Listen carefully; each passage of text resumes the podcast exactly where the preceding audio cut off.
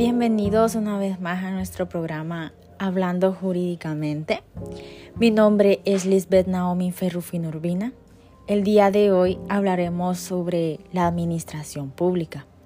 Para muchos de ustedes este tema puede ser nuevo. Comenzaremos hablando sobre la definición de lo que es la administración pública.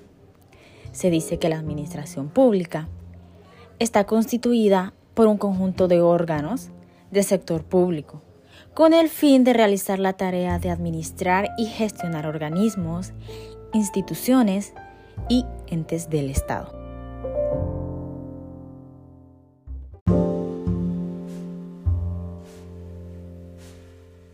Dentro de la administración pública tenemos actos.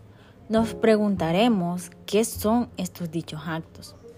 Ok, el acto administrativo es una manifestación o una decisión emitida por una administración pública, a través de la cual impone su voluntad a los ciudadanos.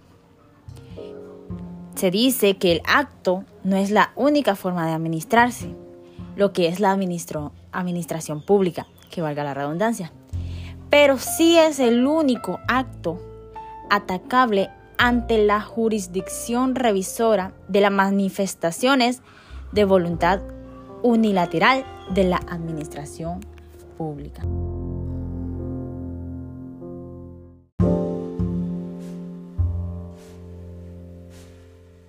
Los actos de la administración pública están divididos en dos.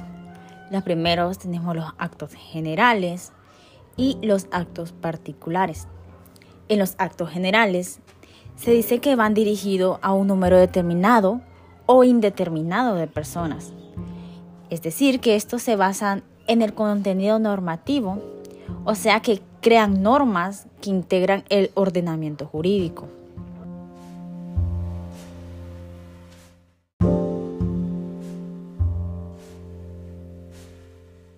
Dentro de los actos generales tenemos ejemplos de los que son actos normativos.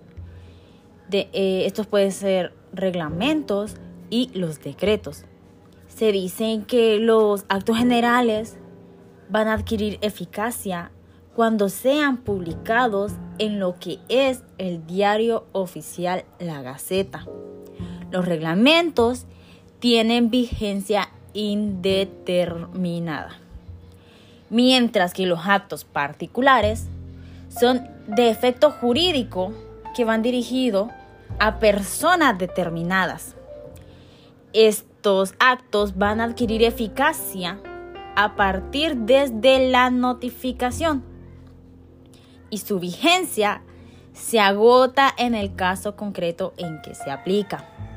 Para su extinción debe ir recurrida en vía digital.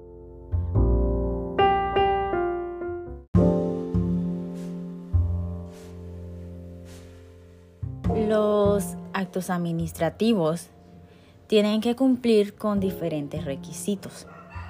Estos requisitos los encontramos en la Ley de Procedimiento Administrativo, en su capítulo 2, sección primera.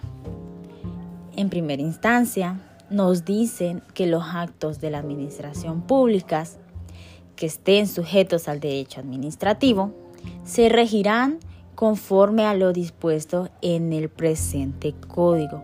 O sea, nos habla de la ley de procedimiento administrativo.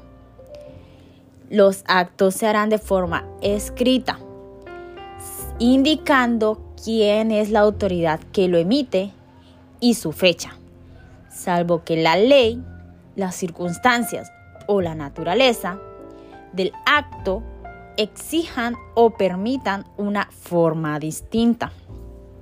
Luego nos dicen que los actos serán dictados por el órgano competente, respetando los procedimientos previstos en el ordenamiento jurídico. El objeto de los actos debe ser lícito, cierto y físicamente posible. Cuando nos habla de lícito, O sea, que este tiene que ser un acto legal que sea otorgado por la administración pública, siguiendo el procedimiento establecido. Es cierto, porque lo vemos y tenemos acceso a él. También es físicamente posible porque este puede ser otorgado. También tenemos que los actos deberán sustentarse a los hechos y antecedentes que le sirvan de causa en el derecho aplicable.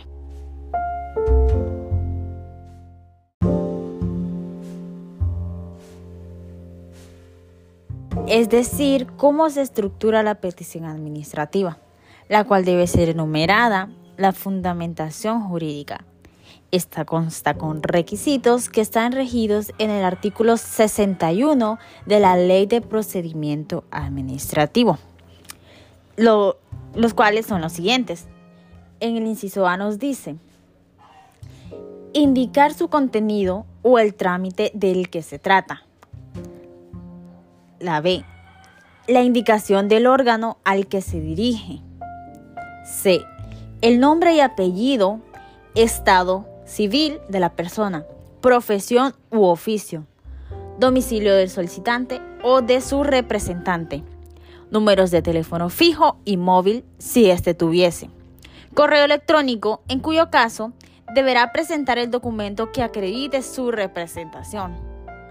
En la D tenemos los hechos y razones en que se funde la expresión clara de lo que se solicita.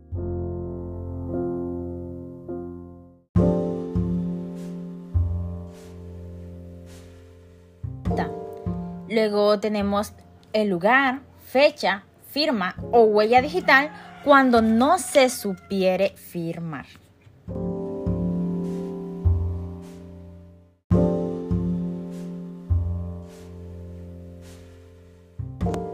Luego tenemos lo que es la motivación. Nos dice que la motivación es uno de los actos de carácter obligatorio, o sea que no se puede omitir.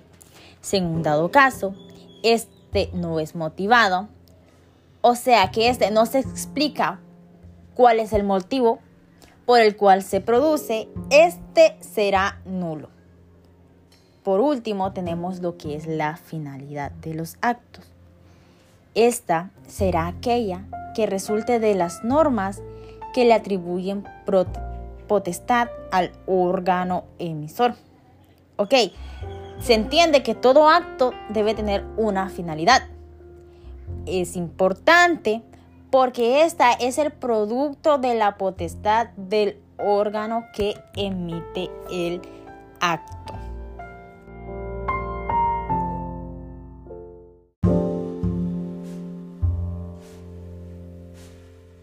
Muchas gracias por su atención.